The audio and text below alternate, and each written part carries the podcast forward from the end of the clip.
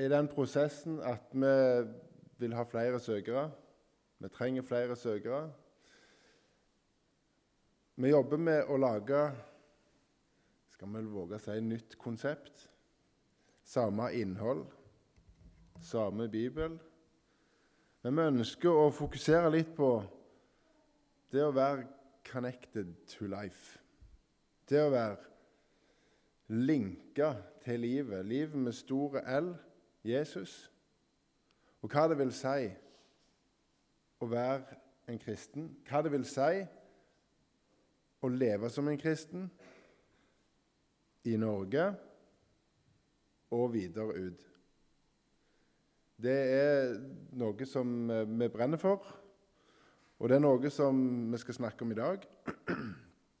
Så Derfor så syns jeg det passet veldig greit å vise den filmen. Vær med å be for Fjelltun. Eh, og Jeg vet ikke hvor mange her som er i målgruppe for å søke på Fjelltun, men dere kjenner kanskje noen, så spre det gode budskap. Fjelltun er bra.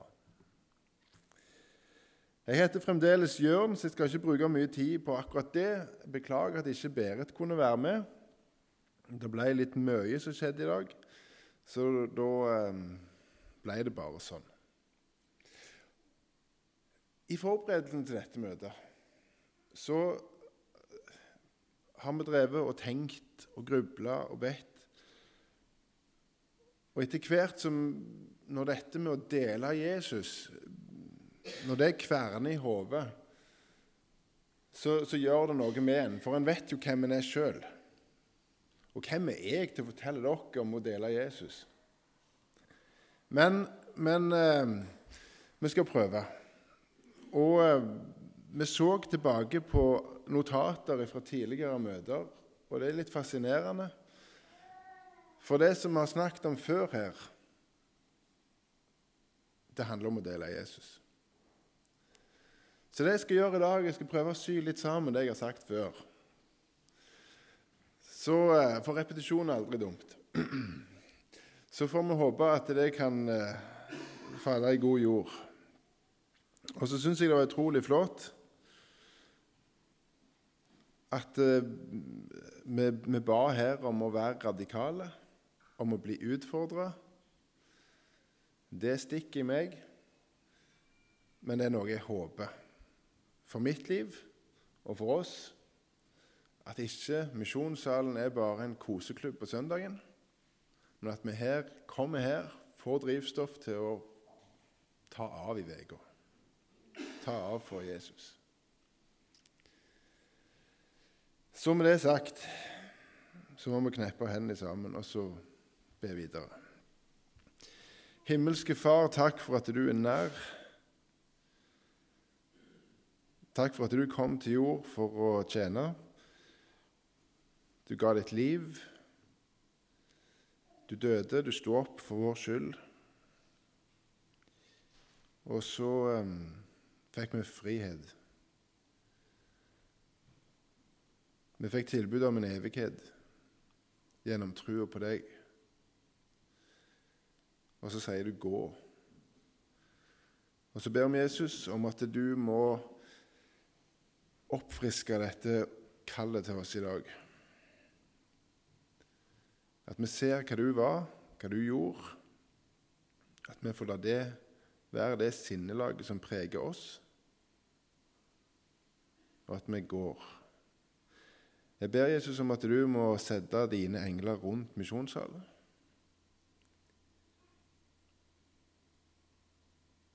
Beskytt oss.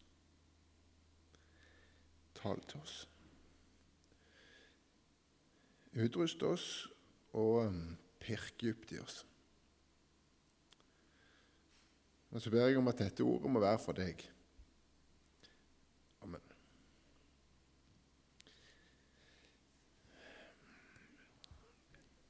Berit sa det når jeg gikk ut døra hjemme fra Øyeren. Husk at når du er svak, så er Gud sterk. Og Pyton du starter en tale med å grine. Men jeg føler meg ikke helt ovenpå i forhold til dette temaet å dele Jesus, for det utfordrer. Eh, men eh, dere har, skrev Svein Anton, hatt som emne her i vår eh, gleden og friheten i å kjenne Jesus og tro på Han. Stemmer ikke det? Og det er et vanvittig bra utgangspunkt for det vi skal snakke om i dag. For hvordan vi kan dele Jesus med andre. Og Så skrev Svan Anton fordi vi kjenner Jesus, så har vi en kraft i livet som kan skape begeistring og glede. Og denne begeistringen kan vi ikke holde for oss selv. Vi må dele den med mennesker vi omgås, som ikke kjenner Gud.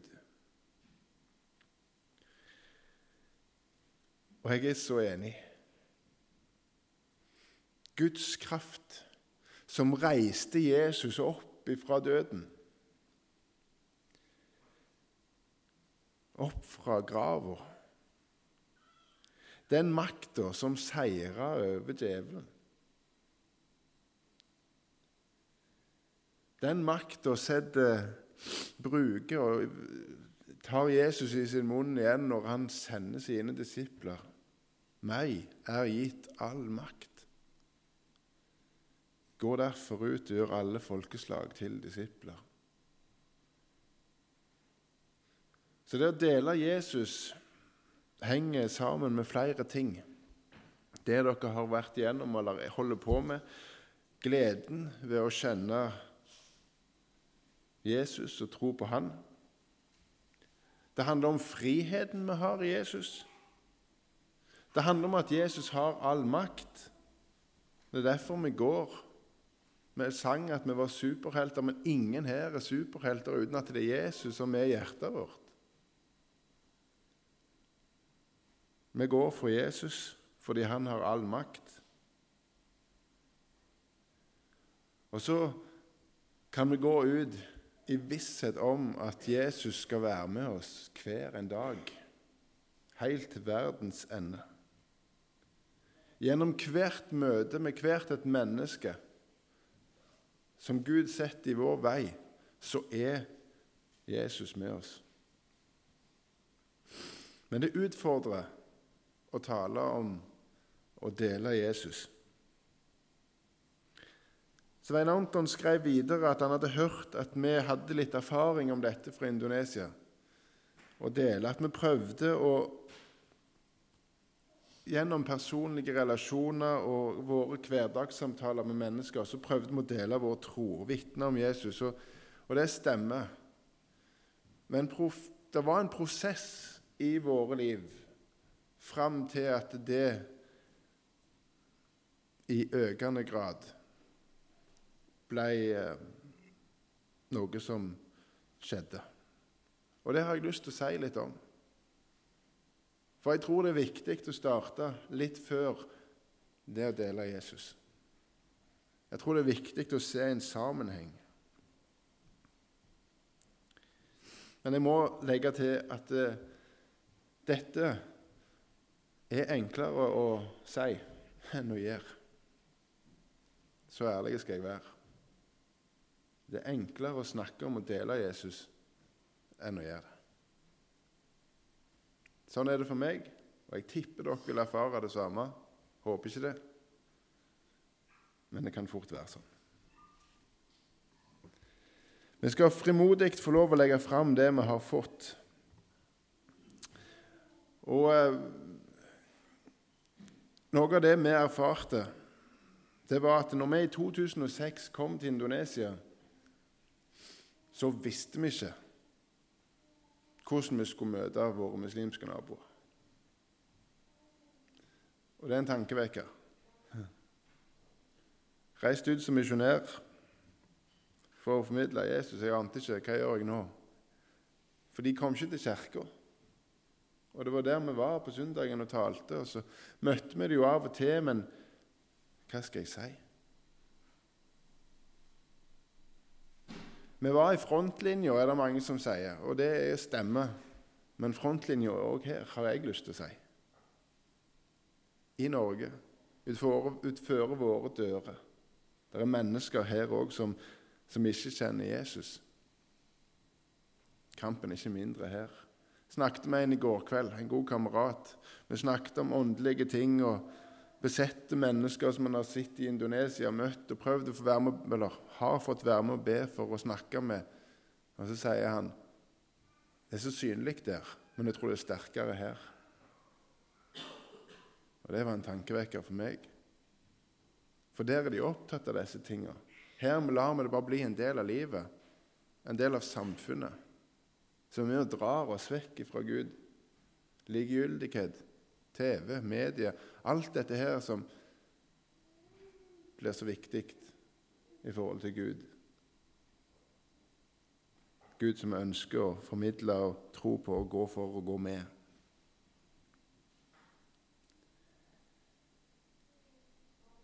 Vi fikk mange gode relasjoner i Indonesia. Og vi ble veldig glad i begrepet relasjon og relasjonsbygging. Og jeg har lurt på i den siste tida, når jeg har sett det stadig mer i, ulike plasser, når jeg snakker med mennesker på bedehus rundt omkring, om ikke vi var med å drepe litt innhold i det, det begrepet. Det er viktig å bygge relasjoner. Men hva relasjon er det du bygger? Er det for å bli en kompis? Eller er det for å bli en kompis som forteller hva du tror på? Jeg vet ikke om dere ser at det er noen forskjeller.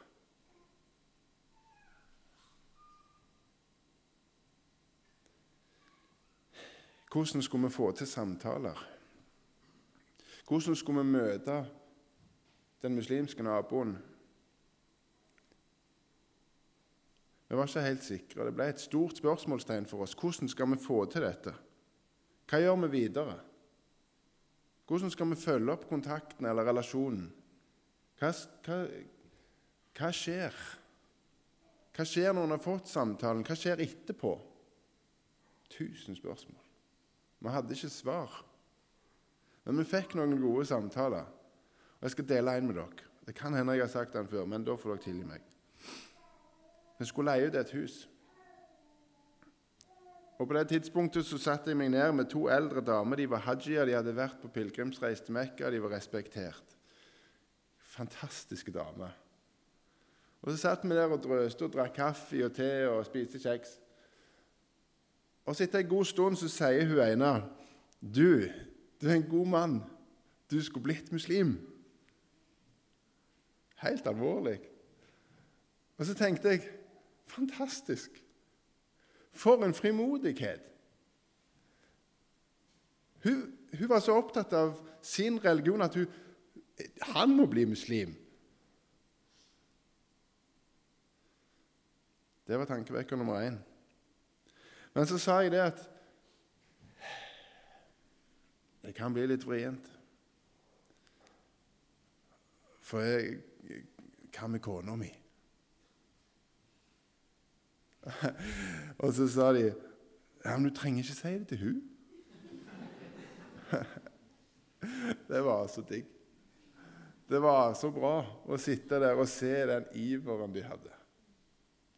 Men så sa jeg det at det, nei, det, det, handler ikke egentlig om at kona ikke får føde det hell. Det handler om at jeg tror på noe annet. Og så begynte jeg å fortelle om skapelsen. Og så fortalte jeg om profetene opp gjennom.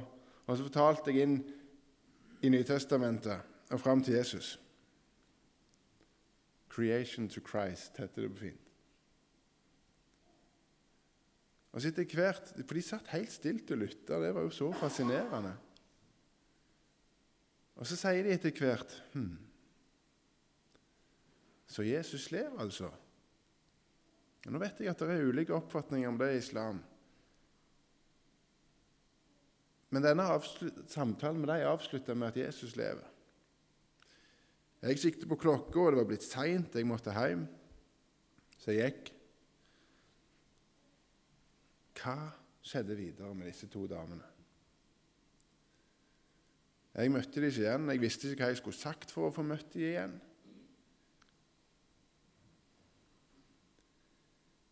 Det er utfordrende.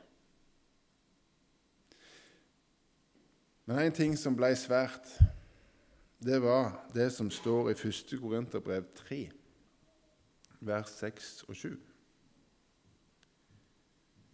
Nå bare venter jeg for å se om det kommer der. Jeg plantet, Apollos vannet. 1. Korinterbrev 3, vers 6 og 7. Jeg plantet, Apollos vannet, men Gud ga vekst. Derfor er det ikke noe, verken den som planter eller den som vanner, men bare Gud som gir vekst. Det er godt å ha med seg. Det var godt å tenke på etter jeg begynte å lure på hva skjer nå med disse to damene. Jeg møtte de aldri igjen.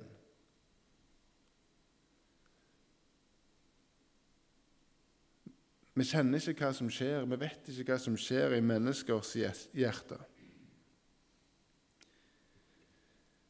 Men vi skal få være med å vanne vi skal få være med å plante, og veksten den tar Gud seg av 100 Vi er ikke dyktige nok til å fikse den. Men vi ønskte å vite hvordan skal vi få flere sånne samtaler. Hva kan vi gjøre for å møte mennesker, sånn at vi kanskje til og med kan legge opp til dem? For vi tror jo det var oppdraget vårt i Indonesia, og vi tror det er oppdraget vårt her. Vi ønsket en plan. Vi ønsket en slags strategi. Fordi vi tror nemlig at selv om der vi jobbet og bygde relasjoner i prosjekter og rundt våre hus, vårt nabolag Der møter vi mennesker Men så står det i Romerbrevet 10, vers 14 Men hvordan kan de påkalle en som de ikke er kommet til tro på? Og hvordan kan de tro på en som de ikke har hørt om? Og hvordan kan de høre uten at det er noen som forkynner? Svært logisk refleksjon, hvis vi tenker på det. Hvordan kan noen rope på noen som de ikke kjenner? Eller tror på noen de ikke vet om? Hvordan kan noen høre uten at det blir fortalt?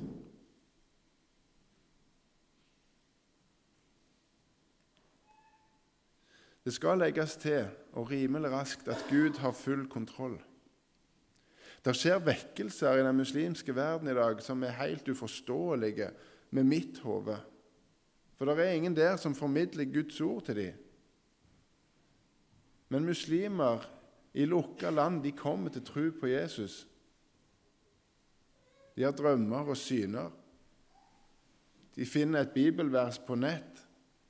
De blir kjent med Jesus, som kaller dem i drømmene og synene. Så, så er det stadig flere som kommer til tro, uten at det er en misjonær der. Det er vanskelig å begripe, men Gud som skapte verden, han får til det òg. Men allikevel så er ikke det det samme som å si at jeg skal sette meg ned i godstolen min hjemme i Dirdal og slappe av fordi at Gud fikser biffen. Guds oppdrag er ikke ferdig for vår del. Gud har ikke sagt at, han, at vi skal slutte å arbeide for Han, at vi skal gå ut og kalle på mennesker og formidle Jesus, gjøre disipler, sånn som Han ber oss om. Ordren står ved lag. Han er ikke avslutta. Og det er viktig å ha med seg. Men det er utfordrende. For hvordan gjør vi det? Hva skal vi si?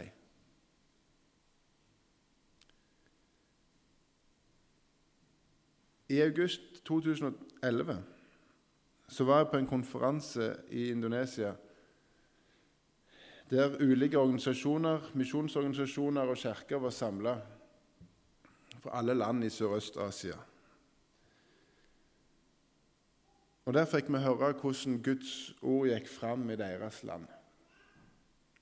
Vi fikk høre om mange utfordringer, mye forfølgelse. Vi ba veldig mye. Veldig mye. Og Så fikk vi òg på den konferansen anledning til å lære litt om hvordan vi kunne komme i kontakt med mennesker der vi var. Hvordan vi kunne komme inn på tro i samtaler. Og så fikk vi noen tips i forhold til videre oppfølging av de vi hadde snakket med. Det var det vi savna når vi kom i 2006.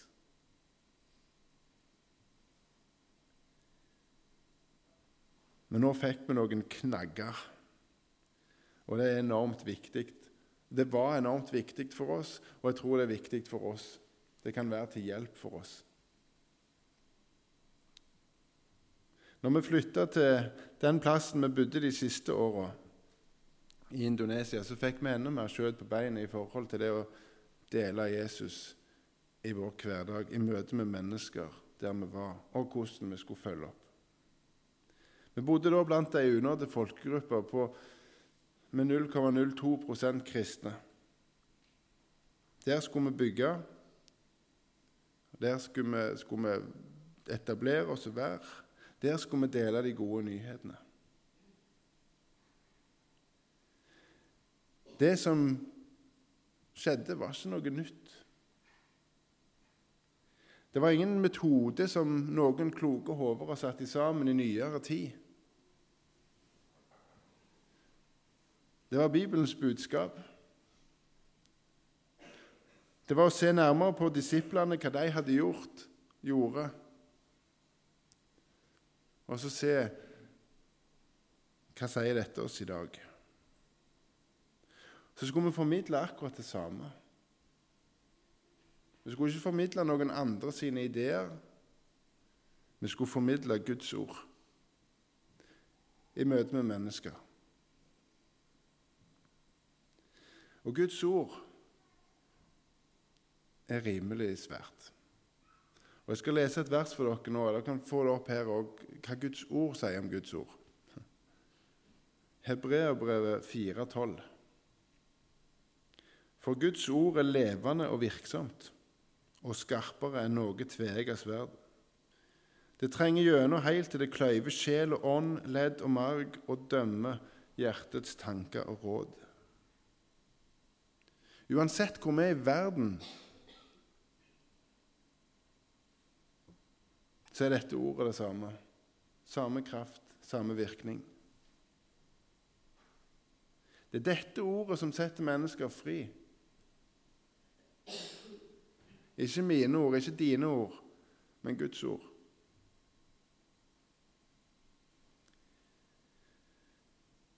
Og dette hadde vi hørt før. Og dere har sikkert hørt det, lest før, og dere har lest disse versene sjøl. Men for oss så ble dette nytt, og det var med å danne et grunnlag for en endring som vi opplevde som svært positiv i vår tjeneste.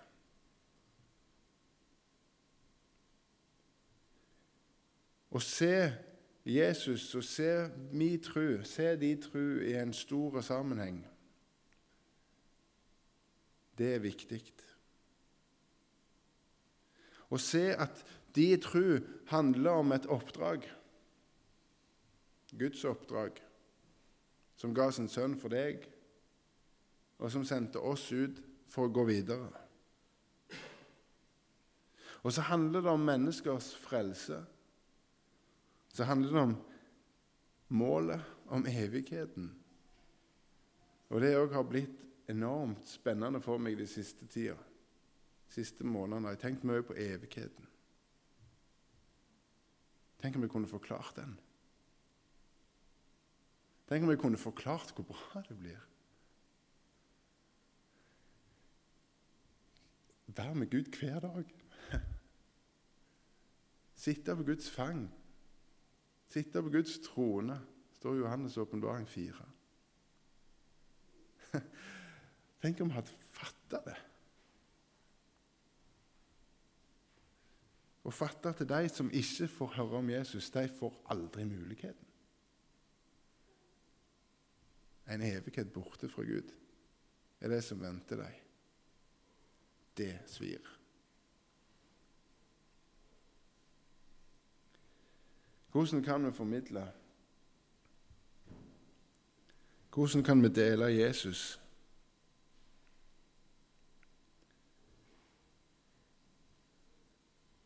Jeg tror vi skal få lov til å legge oss fram for Gud og altså be om Den hellige ånds hjelp. Den hellige ånds ledelse. Og så skal vi be om Den hellige ånd, til Den hellige ånd om å, om å vise oss ordet og se hva som fins her, og hva vi kan gjøre. For Gud vil at alle skal få høre. Han sa til sine disipler at de skulle gå ut og gjøre nye disipler. Og Det er noen hint i Bibelen som jeg har lyst til å lese for dere, som er enormt spennende. Som formidler Guds plan på en spennende måte. Vi har det i misjonsbefalingen. Og så er det noen vers i Lukas 10 som jeg har lyst til å lese for dere og bruke litt mer tid på. Lukas 10, vers 1-12.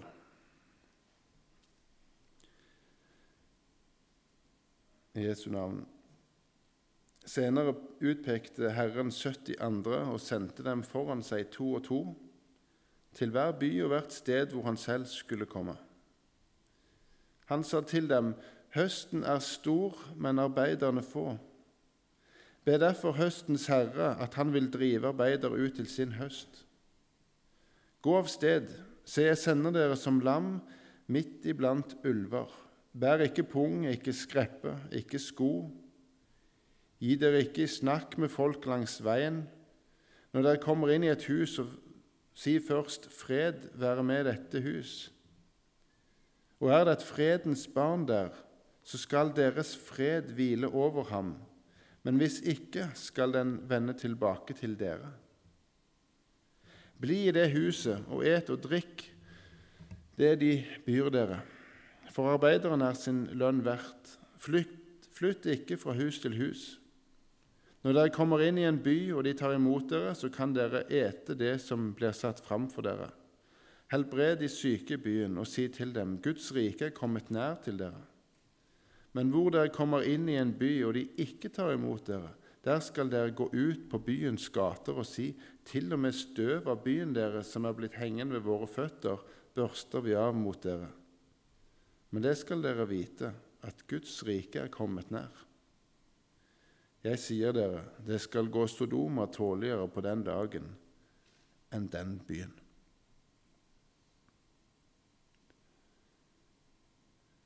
Det er noen hint i denne teksten fra Gud om hvordan vi skal gå fram for å dele Jesus. Og jeg tror at det òg er noe vi kan ta med oss i 2017.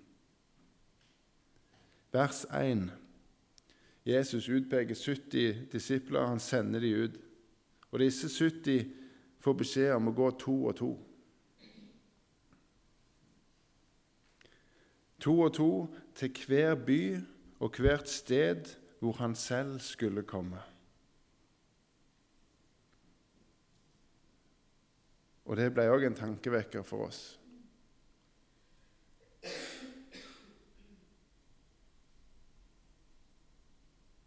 Og det ble på mange måter en Det ga et Hva skal jeg si, da? Det var et utgangspunkt for hvordan møte mennesker. Jesus sender sine disipler ut til steder der han sjøl skulle komme. Oppdraget til disiplene var ikke uten mål og mening. Jesus har en plan. Jesus gikk rundt, han talte, kalte på mennesker, og han gjør det i dag. Han vil møte mennesker. Og Så står det i vers 2 Han sa til dem, høsten er stor, men arbeiderne få. Ber derfor høstens herre at han vil drive arbeiderne ut til sin høst. Og Dette er et vers som jeg tipper de fleste her har hørt mange ganger. Og Jeg har hørt det mange ganger, og jeg har hørt mange ganger fortalt om vi må be om arbeidere. Det er for få arbeidere. Og det er viktig å be om flere arbeidere. At vi må be om at flere må gå ut her og til andre land. Men eh, første delen av verset sier 'høsten er stor'.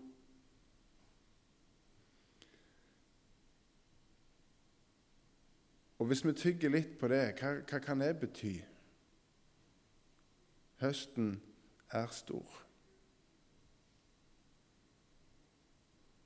Jeg tror det at det fins mange mennesker utføre vår dør som er høst, som er klar til å høstes, som er frukt som er klar til å høstes. Mennesker som går der ute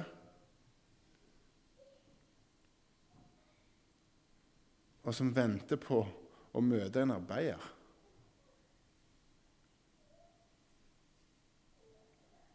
Men det er for få arbeidere. Men det er bra med frukt.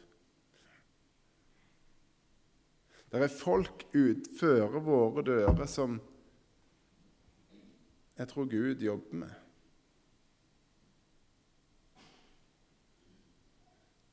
Som Gud vil vise seg for. Som arbeiderne skal få gå til og formidle hvem Gud er, hva, hva Gud har gjort. Høsten er ikke poteter, det er ikke korn, det er mennesker. Og høsten er stor. Det fins mennesker utenfor vår dør, den døra som jeg ser på. Det fins mennesker der ute som er klar til å høstes. Men det er for få som går og høster.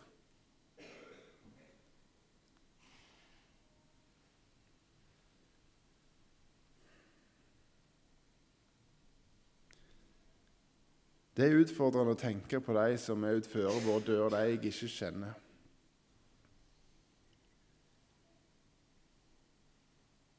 Det er utfordrende å tenke på at ja, men jeg kjenner de jo ikke.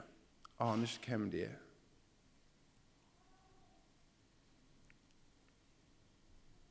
Men tenk om vi var den arbeideren, eller de arbeiderne, som skulle gå til akkurat den frukta som Gud vil møte, som Gud har, har kalt på, og som trenger å finne ut hva det går i.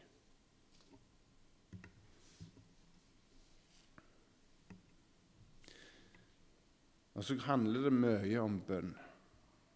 Bønn om arbeidere, bønn om ledelse, bønn om frimodighet. Bønn om at vi formidler Guds ord, som vi alltid har hørt hva er, hva kan gjøre med et menneske. Hva det gjør med oss, at det er virksomt, skarpt, det trenger gjennom helt til det kløyver sjel og ånd, ledd og marg og dømmer hjertets tanker og råd. Det er Guds ord som er forskjellen. Det er Guds ord som setter fri. Det er ikke mine ord, det er ikke våre ord. Det er Guds ord. Tenk om det hadde vært så enkelt at det var våre ord.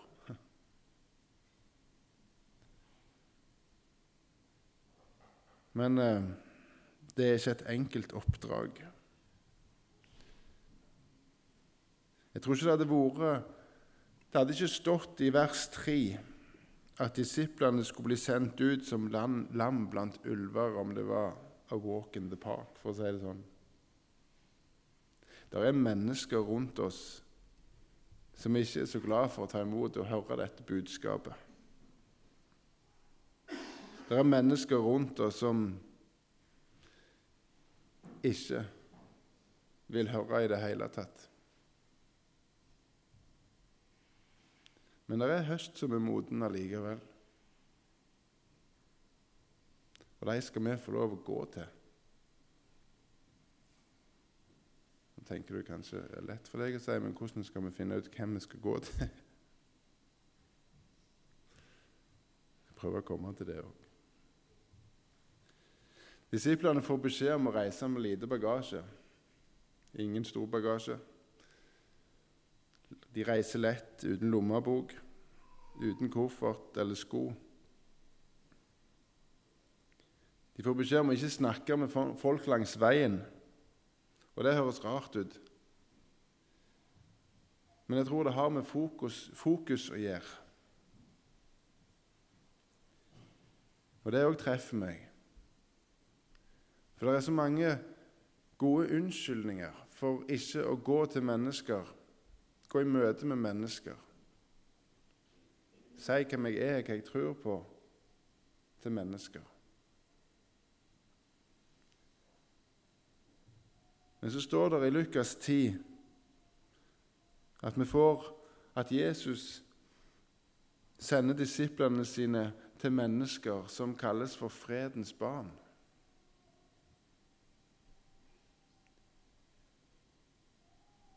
Bare uttrykket er jo fantastisk. Fredens barn. De skal helse med fred, og det er fredens barn som tar imot dem. Og disse skal få høre at Guds rike er kommet nær. Det er Guds ord der òg som formidles.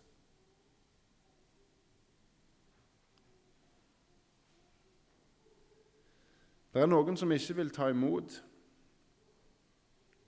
som kanskje trenger mer tid for at dette skal modnes. Og Da står det noen rare vers som å børste av støvet til av beina sine. Og Jeg skal innrømme at jeg sleit litt med de versene en gang. Jeg møtte en kar Vi kaller han Sam. Jeg hadde brukt en del tid med Sam. Jeg hadde invitert han til å lese Bibelen med meg. Profethistorier. Han ville, og jeg var kjempeglad. Det var derfor jeg var kommet til Indonesia. Og Så leste vi om skapelsen, og så leste vi videre ut gjennom i Gamle testamentet. Og så sier han en dag at nei, nå, nå vil jeg ikke mer. Og jeg ble litt jeg, jeg ble sint. Ikke på han, men jeg ble litt sint på Gud. For jeg var ikke kommet her for at han bare skulle slutte. Jeg var sikker på at Sam skulle ta imot Jesus. Og Da begynte jeg å tenke ja, skal jeg ta og børste av støvet mitt nå, og så virkelig Det som skjedde, var at eh, fokuset mitt ved Guds hjelp ble retta mot andre mennesker. som trengte og, og trengte å høre om Jesus. Og Så fikk jeg være med å be videre for Sam. Og Så fikk jeg en melding etter en del måneder der det var en, en bror i troen som sa til meg at Jørn, Sam har kommet, og han vil lære mer om Jesus. Her rimer det, det er så bra, vet du. Planta, vanna, så tar sjefen av seg av veksten.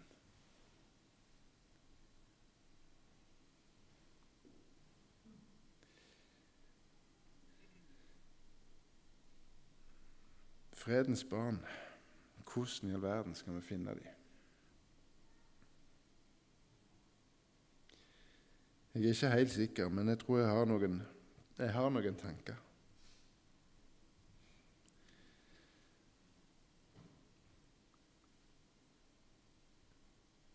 Gud kaller på mennesker. Høsten er moden. Det er mennesker utfører våre bygg,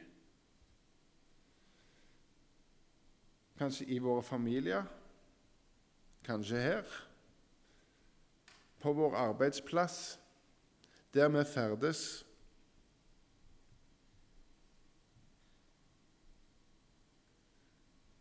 Som er fredens barn, som søker.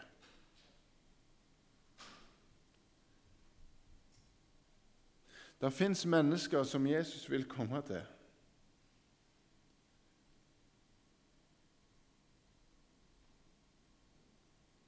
Fredens mennesker, eller fredens barn, er ikke nødvendigvis et fredelig menneske.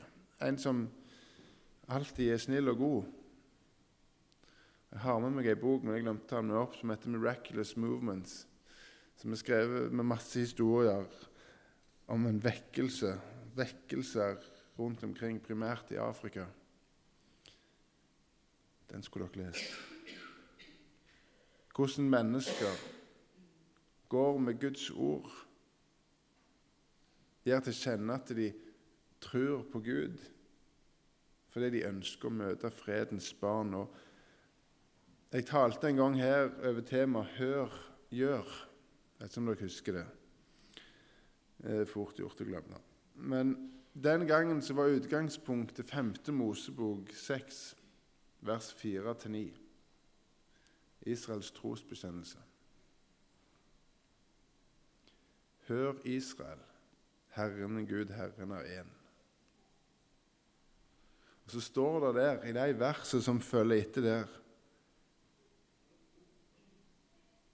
at vi skal høre at Gud er én, og så står det at det skal formidles.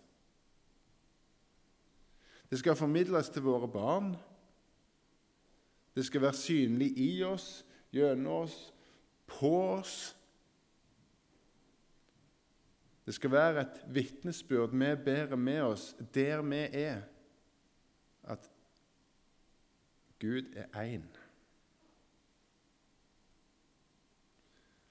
Det står til og med at det skal stå på våre panner. og Jeg vet ikke om det betyr at vi skal tatovere Gud er én på våre panner. Men det betyr at det skal være synlig.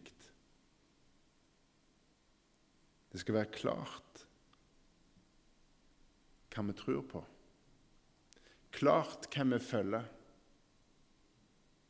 Det skal formidles at Gud er én.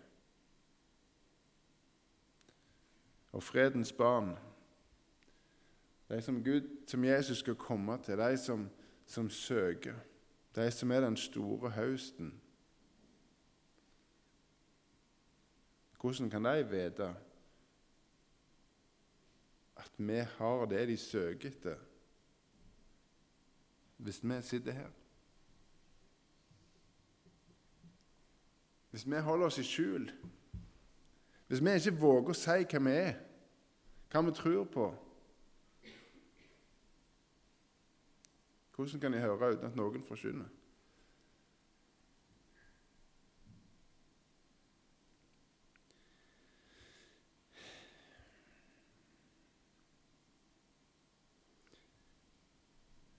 Når noen spør deg spørsmålet om livet ditt, om du er gift, om du har unger eller snakke om været. Hverdagslige ting. Hverdagsfraser. Hva svarer vi? Jeg tror en av de beste måtene for oss å si hva vi tror på, er å få Jesus inn i samtalen. I Indonesia så er det annerledes enn her på den måten at du, du kan ikke ikke tro. Det er ikke lov å ikke tro. Du må tro på, du må ha en religion.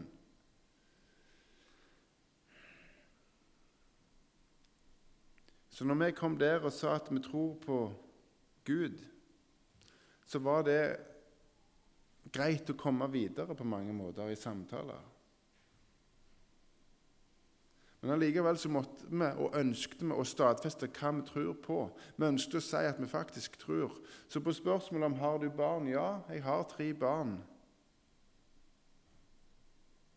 Men så ble det en sånn en endring som vi gjorde i våre liv, at vi slutta å si at vi har tre barn. Vi har tre barn.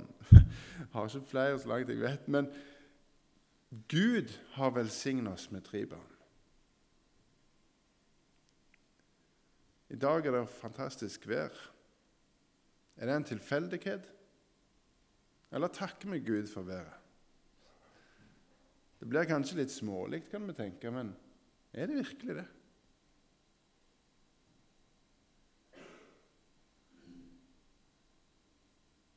Er det verdt å takke Gud for at vi har det så greit?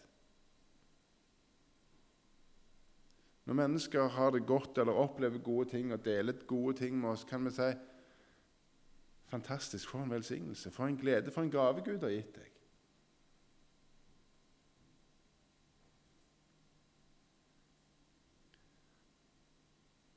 Når noen spør om er du sånn religiøs, du Det, det hører han av og til. Rasende festlig. Vet du hva han kan svare? En kan svare nei. En kan svare jeg er en etterfølger av Jesus. Jeg tror at det vil gi en mulighet til å få si hva det betyr. Jeg tror ikke det trenger å være så vanskelig på papiret å heise flagg for Jesus. Men jeg tror det sitter inni her at det er fryktelig skummelt. Og jeg skal være den første til å si at jeg syns det er vanskelig. Vanskeligere enn Norge enn Indonesia.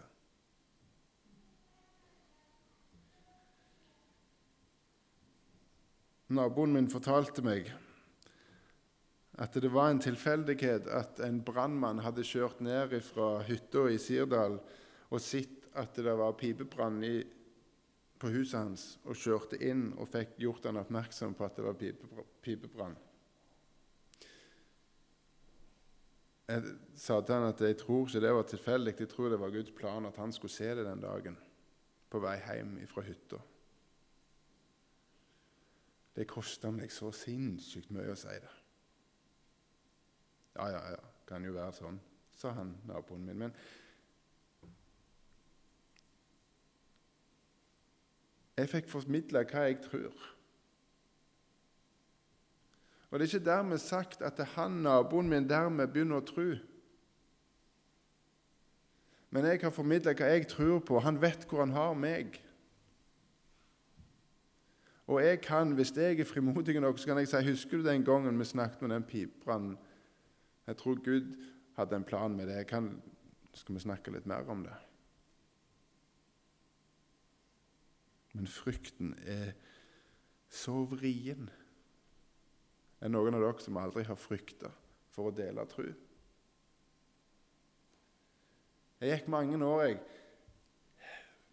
og var redd for konsekvenser. Jeg gjør det delvis ennå. Redd for å si for, for å heise flagg, og Indonesia. Hva vil skje med kona mi, hva vil skje med ungene mine, hva vil skje med teamet vårt? Hva vil, hva vil skje med de kristne som vi har rundt oss? Én ting med meg, jeg blir få en flybillett hjem, men de Det bandt meg. Så satt jeg på et møte Og under den talen som var der, så sier taleren Han stoppet midt i talen og sa Jeg opplever at det er mye frykt som binder folk her i dette rommet. Nå tar vi noen minutter så ber vi i stillhet om at Gud skal vise oss hva det er vi er så redd for. Jeg trengte ikke lukke øynene, egentlig, for jeg visste hva som ville komme. Men jeg lukket øynene, og så så jeg for meg familien, teamet vårt. Jeg så disse konsekvensene. Jeg så det som jeg var redd for å slippe taket på. Etter møtet var slutt, så satt vi i en sånn en halvsirkel og rundt omkring i små grupper ba og sang. og Så kom han her taleren bort til meg. Jeg hadde aldri truffet ham. Aldri sagt et ord til ham. Så spurte han om han kunne få be for meg, men det var greit. Så la han hånda si på meg, oppå skulderen, og så sa han, 'Kjære Jesus, jeg ber om at du må ta vekk denne frykten for konsekvenser, for familie, for de som er rundt. Og Herre, gjør det sånn at denne karen må få frimodighet til å dele hvem du er.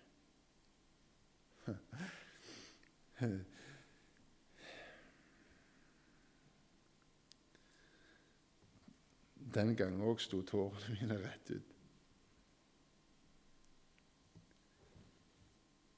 Frykt ikke, for jeg er med deg. Se deg ikke engstelig om, for jeg er din Gud. Jeg styrker deg og hjelper deg og holder deg oppe med min rettferds høyre hånd, står det i Jesaja 4,10.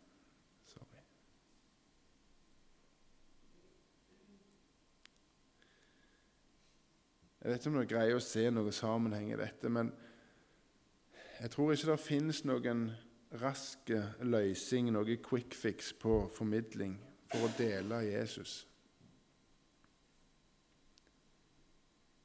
Ingen trylleformel.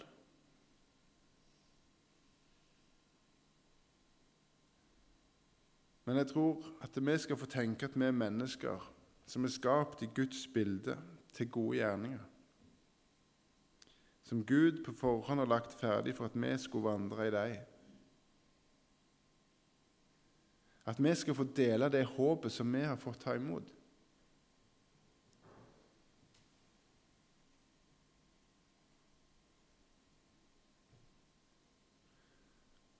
Å dele Jesus er å stole på at Jesus går med. Peter han gikk ut av båten i stormen, og alt gikk bra så lenge blikket hans var, på, var retta mot Jesus.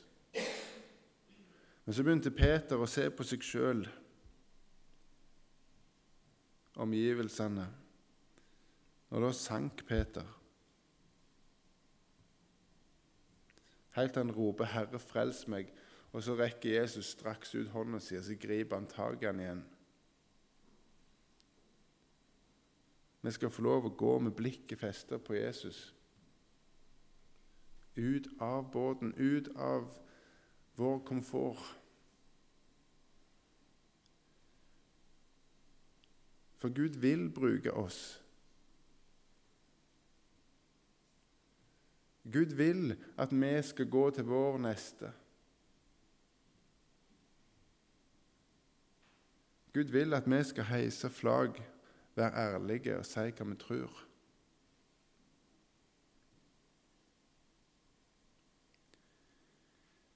Guds ord er virksomt, og det er Guds ord vi skal dele.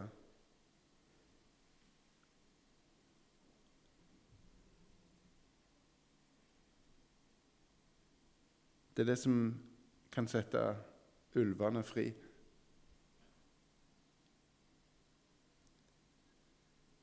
For da vet de hva vi er fullt av. De vet hva vi går med. Vi er ærlige med oss sjøl. Vi er ærlige mot Gud. Vi formidler hvem Jesus er, hva Jesus har gjort for oss. Vi formidler at Jesus er veien, sannheten og livet.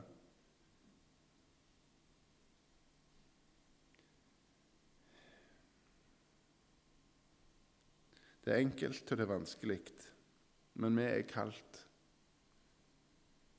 Vi er kalt til å gå ut og gjøre disipler, og, og, høsten er moden. Jeg vet ikke hvordan jeg skal få avrunde dette her, men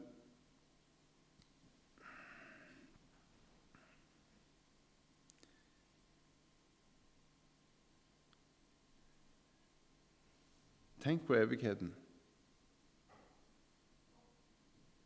Tenk at du er satt fri ved troa på Jesus. Du har fått valget.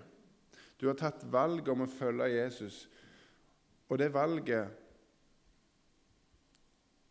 det gir deg adgang til himmelen. Det handler ikke om dine gjerninger. Det handler om Guds nåde.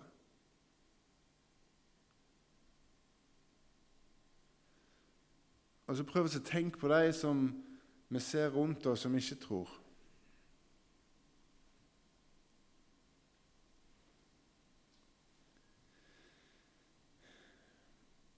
Kan vi virkelig, når vi har en evighet i vente, la være å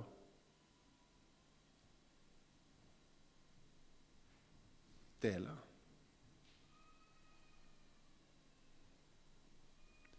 Jeg har lyst til å utfordre dere til å be. La din vilje skje. Og Jeg har lyst til å utfordre dere til å prøve noe.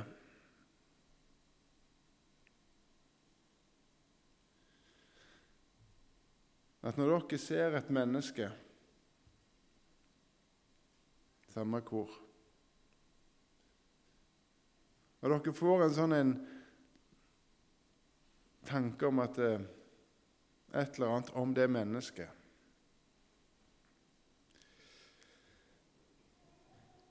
Gå bort og hils på det mennesket. Dette står ikke i manus. Dette bare vil jeg utfordre dere på.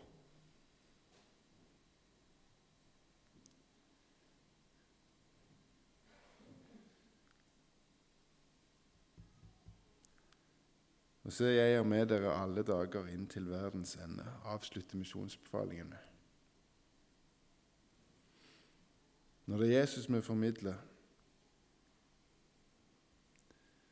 Når det er Jesus som ber oss om å gå, så går han med. Og det fins mennesker ute. Høsten er stor. Tenk om du er arbeideren som skal være den som går. Tida er forbi at vi sier til noen andre. Nå gjelder det oss.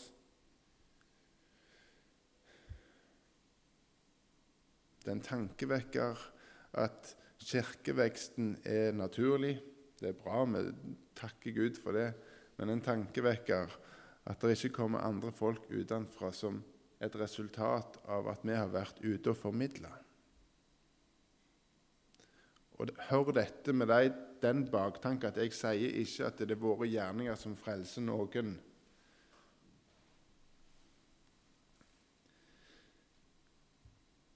Men det kan være at det ikke kommer mennesker inn nye til misjonssalen fordi at vi holder Jesus for oss sjøl. Misjon handler ikke bare om Indonesia. Misjon handler om din nabo. Din nabo kan være moden høst, et fredens barn, som du skal få lov å si hva du tror på, til. Og så har Gud en plan med å skape den veksten, og det kan være at han vil bruke deg. Far, takk for at du har full kontroll.